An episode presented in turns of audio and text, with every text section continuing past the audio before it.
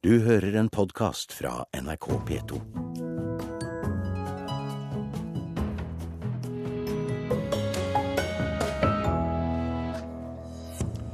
Norsk filmpolitikk tapper bransjen for kompetanse og skremmer utenlandske produksjoner vekk. Det mener islandsk Hollywood-regissør.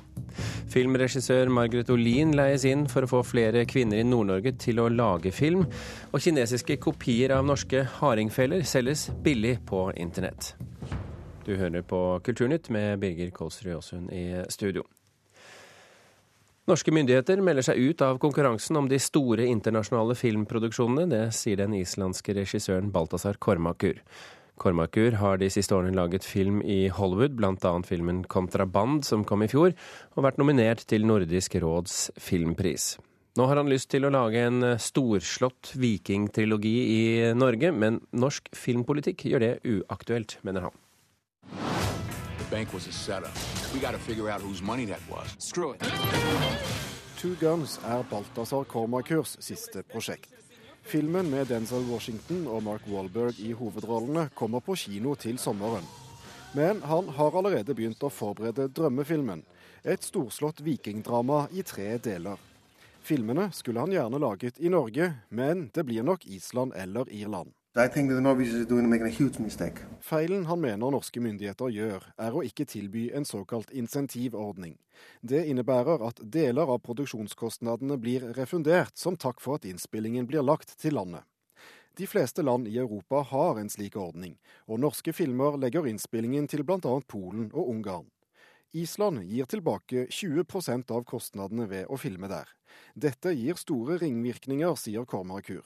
As as it, why not why not it? The, it has immense effect on the Icelandic uh, you know economy because there's so much that comes with it. It's not about giving a discount. It's being competitive to other countries. You know, it's, it doesn't. You shouldn't think about it as discount. This is going on everywhere. No film is shot without. Dette handler ikke om å gi skatterabatter. Dette handler om å være med i konkurransen om filmproduksjoner. Ingen filmer i dag blir laget uten disse insentivene, fortsetter regissøren.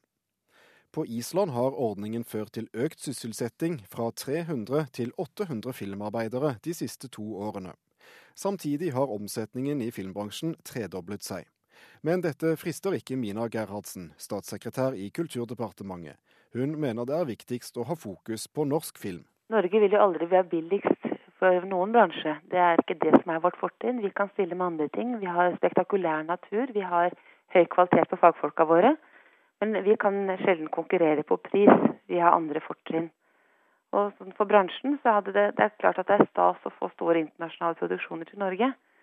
Men om det er det som gir kvalitetsløftet for norsk filmproduksjon, det kan man stille spørsmål ved. Jeg tror mer på det at vi satser på at vi er gode sjøl, og at vi samarbeider med andre, er det som bidrar til å holde et høyt nivå hos oss.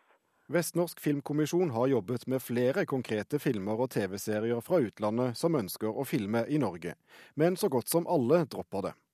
Daglig leder Sigmund Elias Holm mener statssekretæren misforstår hva det handler om. Poenget med en norsk ordning vil aldri være å konkurrere direkte med, med lavkostland. Og det er heller ikke motivasjonen bak en sånn insentivordning som vi finner i Frankrike og Storbritannia. Poenget er jo å bidra i det internasjonale kretsløpet av, av filmer og tilby noe til de prosjektene som, som, ønsker å komme til Norge, som har Norge i manus, eller som er inspirert av norsk historie. I, I would say it's, it's a stupid thing not, not to participate in this. And what will happen is that you'll be left behind. There will be no local uh, talent working in, in, in film. Norsk filmbransje vil miste talentene uten eh, insentivordning, frykter den islandske Hollywood-regissøren Balthazar Kormakur. Altså reportere her det var Eirin Venås Sivertsen og Thomas Alvarstein eh, Ove. Agnes Moxnes, eh, kulturkommentator her i NRK. Nå i vår så legger altså regjeringen frem en ny handlingsplan for kultur og næring. Kommer det til å stå noe om f.eks. skattefordeler til utenlandske filmprodusenter der? Jeg tror ikke det. Eh, nå kommer vel den eh, planen eh, jeg tror den kommer neste uke eller uka etter. Så vi får jo svar på det spørsmålet da. Eh, men vi vet jo at det er store deler av eh, bransjen som eh, ville satt stor pris på en sånn ordning. Denne kulturnæringsplanen det er jo et samarbeid mellom Kulturdepartementet, Næringsdepartementet og Kommunaldepartementet. Og når det gjelder folk som tenker næring i regionene, altså det gjelder både film og transport og reiseliv, så er en sånn ordning veldig tiltrekkende. Vi vet jo f.eks. at når det gjelder Hobbiten, da, som ble spilt inn på New Zealand, eh, så fikk de tilbake 15% av de pengene de hadde brukt i landet eh, eh, under innspillingen. Og det betydde 300 millioner kroner for produsenten av Hobbiten. Så vi snakker om store, store summer her. Men om man får en sånn refusjonsordning i Norge eller ikke, det vet vi altså ikke riktig ennå. Men det er ting som tyder på at vi ikke gjør det. Men, men hvor lenge har man egentlig jobbet med å få en sånn ordning? Ja, lenge. Så langt tilbake i tid at eh, Trond Giske ikke var statsråd, og da må vi tilbake før 2005. Eh, da ivret eh, Trond Giske i opposisjonen veldig for å få til en, en sånn ordning, og i årene mellom 2004 og 2006 så, så anbefalte Stortinget at man satte i gang en prøveordning. Men det stoppet opp, og inntil nå så har det altså ikke skjedd så veldig mye. Men når dette er ganske vanlig i andre, andre land, hvorfor gjør vi det ikke her i Norge? Det tror jeg er fordi Finansdepartementet har satt på alt de kan av bremser. De liker ikke automatiske ordninger der en viss prosent skal etterbetales.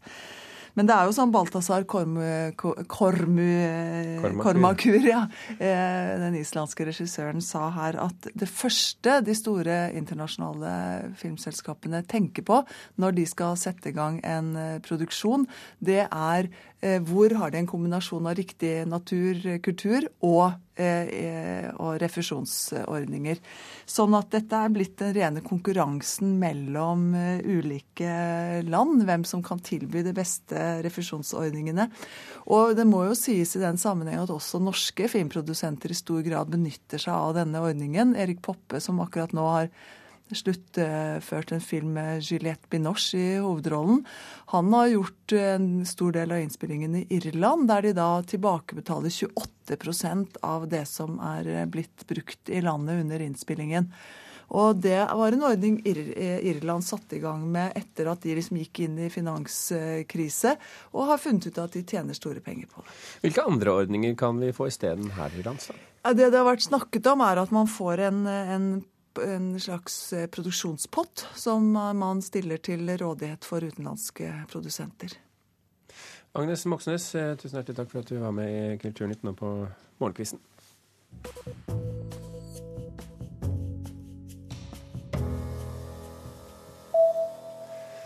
Martin Scorseses eh, filmatisering av Jo Nesbøs roman 'Snømannen' er satt på vent. Nå har filmselskapet satt i gang jakten på en ny regissør, skriver Aftenposten.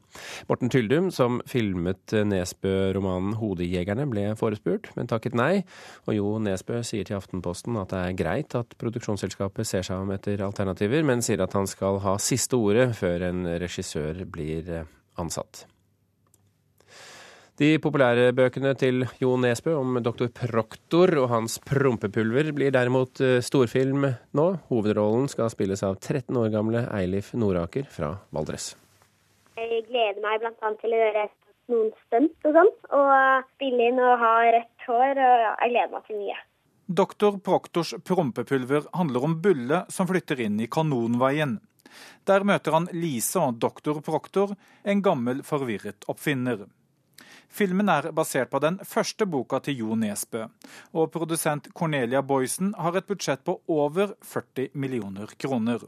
Det er en film som finner sted i et, et fantastisk univers, og i tillegg så er det mye effektarbeid som gjør at uh, vi, har, vi, har, ikke mer enn en akkurat, for å si det sånn, men vi har mer enn nok til å få dette til å bli den filmen vi hele tiden har ønsket at det skal bli. Og filmen blir eh, etter alt å dømme å se på kino vinteren 2014. Reporter her det var Geir Rød. Flere kjente kunstverk av blant eh, Picasso og Munch blir eh, tilgjengelig for publikum i Bergen igjen. Etter ranet av Kinasamlingen stengte Kunstmuseet i Bergen Fløyen med internasjonal modernisme. Årsaken var at den ikke var godt nok sikret, men nå blir Fløyen åpnet for publikum igjen, sier direktør for Kunstmuseene, Erlend Høyersten. Denne fløyen her har jo noen av de aller aller viktigste verkene våre. Og derfor, har, altså Vi har Munch, vi har Picasso, vi har Klee, vi har uh, Miró. Altså, vi har funnet en, en, god, men fortsatt en midlertidig løsning. Vi trenger nye vinduer. Vi trenger vinduer et helt annet sikkerhetsnivå enn det som vi har nå. Men vi har satt gitre foran eksisterende vinduer. Svartmetallbandet Immortals musikkunivers skal bli dataspill.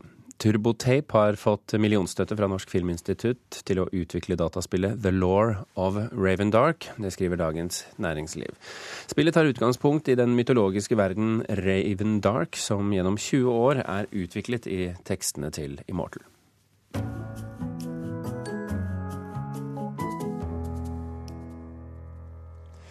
Kinesiske kopier av norske hardingfeller selges billig på internett. Mange av felene koster bare en tiendedel av hva man må betale for eh, en norsk hardingfele.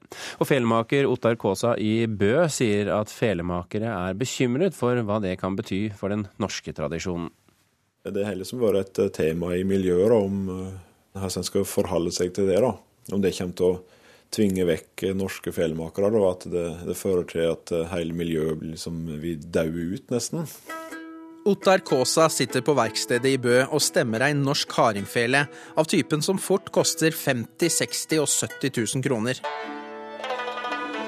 I Kina produseres det langt billigere kopier. Etter et internettsøk på Fancy Norwegian Fiddle får vi opp tilbud på flere feler som tydelig er laga med hardingfeler som mal. Og Kaasa skjønner at det kan virke fristende for noen. Jeg skjønner veldig godt at det er vanskelig å få å bruke liksom 60 000 på en ny fele til en, til en nybegynner, altså. Det gjør jeg. Anders Buen er akustiker og hobbyfelemaker. Han har ikke prøvd å spille på kinesiske hardingfeler, men ut fra bildene vurderer han kopiene slik. Det kan hende at de funker greit, men for at en profesjonell eller en, en som er noenlunde god til å spille skal ha glede av fela, så vil man måtte rigge om. og Kanskje man også ville måtte ta lokket og bygge noe inni. Buen sier det kan være fint å ha et billig alternativ, men felekopiene blir neppe omfavna av det norske folkemusikkmiljøet. De har nok ikke så veldig høy status, for å si det sånn. Reporter her, det var Ken Willy Wilhelmsen. Klokken er drøyt 17 minutter over åtte. Du hører på Kulturnytt, og dette er toppsaken i NRK Nyheter akkurat nå. En person er omkommet i en stor trafikkulykke på E18 mellom Drammen og Asker. Politiet har pågrepet en mann etter ulykken. Og forsikringsselskap nekter å betale erstatning til en mann som ødela seg da han skulle redde en kvinne fra en ulykke. For få kvinner i nord søker om penger til å lage film. Nå tar Nordnorsk Filmseter flere grep for å bedre likestillingen i bransjen. Vi vil lære kvinner å få mer selvtillit, sier dramaturg Jesper Bergom Larsson. Skal vi se Alice og jeg om eh, Alice Timander som et sånt premiärlejon har vært i Sverige. Han tror han er best. Eh, Maria Kulberg, Jesper Bergom Larsson ved Nordnorsk Filmsenter ser på skrytelista til Monetary Film. Eh, Ingen mann i sikte. Den, fikk, den ble eh, Kvinnelige produsenter, regissører og fortellinger dominerer. Eh, jeg er min egen Dolly Parton, f.eks. Det er veldig Nå skal du lene deg tilbake. Senke skuldrene dine og puste med magen. For å få nordnorske filmkvinner til å bli tøffere og søke mer penger for å lage film, har Jesper henta inn Margret Olin og er hun som driver dette svenske selskapet, Stina Gardell. Og jeg skulle gjerne ville booste de her kvinnene med eh, to stykker sterke kvinnelige filmere som virkelig har lykkes å, å nå ut i verden, og eh, som kan være forbilder for, for nordnorske eh, kvinnelige filmere. Booste, sier du? Ja, booste. Sier man ikke det? Ja, eh, jo, bo, boosta, alltså eh, fylla dem med självförtroende och visa att det går att komma ut. Eh, det är inte så att de lokala historierna inte ska eh, berättas, men de måste sättas i ett större perspektiv för att kunna intressera en större publik. Men ingen menn får være med? Nei, ikke ens jeg. Teknologiens glade dag. Ivar Køhn fra Norsk Filminstitutt henter frem tall fra 2008 til 2011. De viser at i filmer som NFI støtta, hadde menn manus på 65% kvinner bare 31% På regi er likestillinga ennå dårligere. 73% menn og 27% kvinner, kvinnelig regi. Budsjettsøknad for 2014. for å øke likestillinga søker daglig leder ved Nordnorsk Filmsenter, Tor Vadseth, Kulturdepartementet om hjelp. På 1,2 millioner har vi søkt der. Og I det så ligger det jo først og fremst den store biten av det, det er et eget utviklingsprosjekt for kvinnelige regissører, manusforfattere og produsenter. Det er noe vi har tenkt å gjøre sammen med Sørnorsk Filmsenter. Trengs det egne kurs, likestillingstiltak, for å øke andelen kvinner i bransjen? Ja, det gjør det. For det er, det er for få, og vi vet ikke hvordan vi skal gjøre eh, altså Gjennom de vanlige ordningene så fungerer det tydeligvis ikke. Do you understand what I'm saying when I'm speaking English? Yes. So why are the relations start wrong? I nåde spiller Maria Buch fra Hammerfest. Hun mener likestillingstiltak trengs. Ja, helt klart. Burde også de som eh, deler ut penger til bransjen, eh, kvotere mer radikalt? Altså, Jeg er ikke redd for kvotering i det hele tatt. Eh, det er gode eksempler på, eh, bl.a. med Gro Harlem Brundtland, at eh, det var en god idé. Hvis jeg hadde blitt kvotert inn, så hadde jeg tenkt at det her var en fantastisk mulighet. Og så hadde jeg grepet med begge hender, og så hadde jeg motbevist all skepsis i så tilfelle. Men hvis alt dette er så viktig, hvorfor kjører dere ikke radikal kvotering på det arbeidet dere gjør? Jeg tror egentlig ikke at det er, er den eh, rette veien å gå. Og eh, det er faktisk sånn at mange kvinnelige filmskapere i bransjen også er mot det. Så Derfor ønsker vi å prøve dette her nå. Men det er klart at hvis vi ikke får resultat av det, ja, da må vi gjøre mer radikale ting. Ja, Det sa daglig leder ved Nordnorsk Filmsenter, Tor Vadseth, og reporter i Tromsø, det var Karoline Rugeldal. Under falsk identitet tilbød en mann konsertbilletter, bøker og plater på, eh, på, på, et nettsted for å lure unge fans av Justin Bieber og One Direction. Han ble anmeldt til politiet, men saken ble henlagt. Så kom det frem at det var identiteten til daglig leder i Sogn Næring, Per Odd Grevsnes, han hadde stjålet. Og det skulle han ikke gjort. Når telefon nummer tre og fire kom, da skjønte jeg at det, her er det noe muffens. Da er det noen som har brukt eh, mitt navn eh, til å selge varer på nettet. For det ble etter hvert mange foreldre som ringte etter å ha kjøpt konsertbilletter, bøker og CD-er fra tenåringsfenomenet Justin Bieber eller One Direction fra han som kaller seg Per i Sogn Næring på finn.no. kom ingenting, så etter en uke så begynte jeg å sende e-post og sånn for å sjekke om det ville komme noen, og da fikk jeg aldri noe svar. André Eilertsen er en av de som lot seg lure da han ville kjøpe en presang til yngstedattera. Og da skjønte jeg at her er det en person som utnytter primært unge jenter til å prøve å tjene seg en, eh, en slant.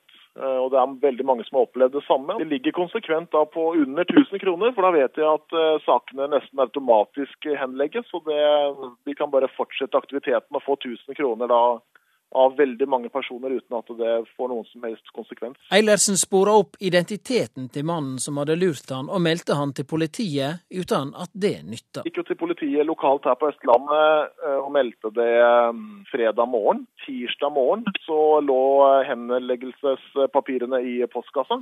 Vi skulle gjerne sett at politiet hadde mulighet til å etterforske flere av eh, denne type saker. Sier Geir Petter Jefsen, tryggleiksrådgiver i finn.no.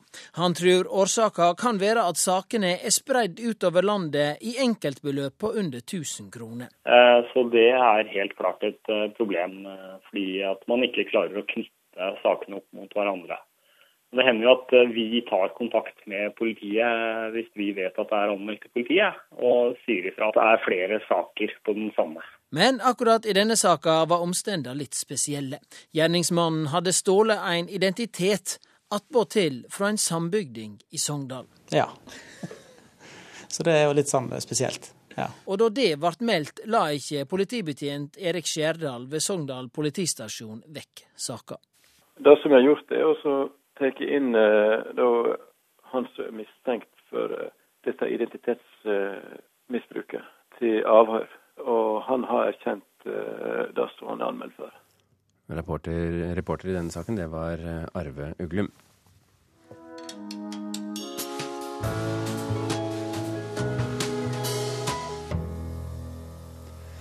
Ukens norske premierefilm vises foreløpig bare på Vestlandet, fra Egersund til Volda.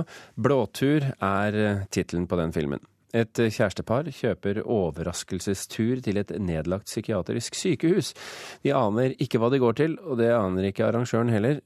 Noen av de yngste filmskaperne vi har sett på kino, viser særdeles gode takter, sier vår anmelder Einar Gullvåg Staalesen. Jeg liker blåtur. Filmen er ikke perfekt, men en lovende karriereåpning. Forfatteren Bjørn Sortland debuterer som filmforfatter og produsent. Ivar Aase debuterer som spillefilmregissør. Han er 21 år og den yngste regissøren norske kinoer har hatt på spilleplanen. Det er debut for fotograf Andreas Bru Eide, som også er først i 20-årene. Bildene er gode, det visuelle universet er en hovedsak her. Du, hvor ble det av deg? Jeg sjekket ut, jeg spolte en av teipene bak. Hvem er her om det? Helsike. Det nedlagte Dale sykehus ved Gansfjorden er for første gang åsted for psykiatrisk spenning på film. Det er en dramatisk lokalisering. Det gjelder mer enn likkjelleren og operasjonsrommet for lobotomi.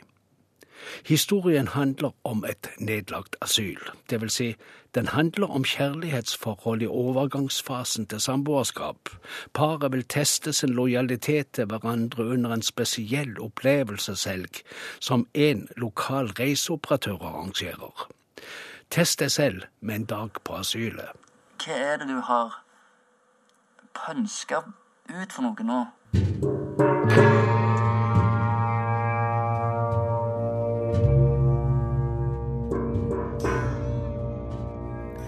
Silje inviterer. Kasper aner ikke hva han skal være med på. Hun som arrangerer turen, har ikke gjort sånt før, men hun har fått utarbeidet en plan og et manus. Og hun engasjerer en venn som hjelper.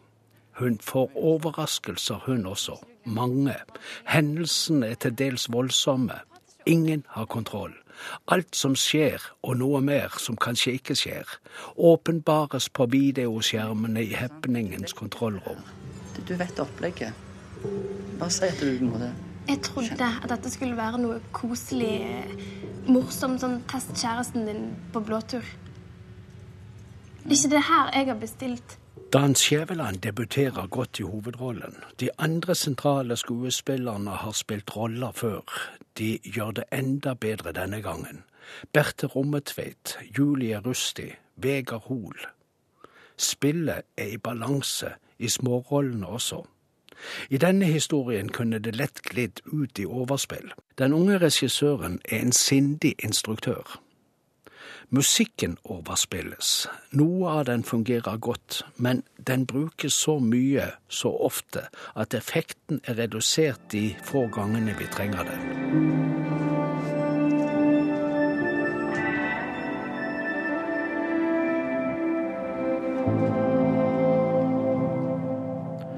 Blåtur kan komme på kino hvor som helst i landet. Jeg tror den kommer vidt ut etter hvert, men foreløpig er den bare regionalt lansert på store og små steder fra Egersund og Moi til Volda. Den har premiere i helgen. Og Filmen settes også opp i Oslo senere denne måneden. I Mørkets opplevelser her på P2 klokken 19 i dag anmelder Einar Gullvåg Staalesen ytterligere seks premierefilmer. Nå skal eh, Per Gynt settes opp i 10 000 meters høyde. Om bord i et rutefly mellom Oslo og Bergen 2. mai skal scener fra Per Gynt spilles for passasjerene. Målet med stuntet er å lokke flere nye publikummere til Per Gynt-forestillingene ved Gålåvatnet i Gudbrandsdalen, sier Per Gynt-sjef Marit Lien til avisa Dølen. Kulturnytt runder eh, snart av. I dag har vi fortalt at den islandske Hollywood-regissøren Balthazar Kormakur kritiserer norske myndigheter for å ikke gi utenlandske filmskapere økonomiske fordeler for å filme i Norge. Norsk filmpolitikk tapper bransjen for kompetanse og skremmer utenlandske produksjoner vekk, mener han. Det var det vi hadde i Kulturnytt i denne omgang. Kulturnytt ble levert av Hanne Lunås, Halvor Haugen og med Birger Kålsrud Aasund her i studio.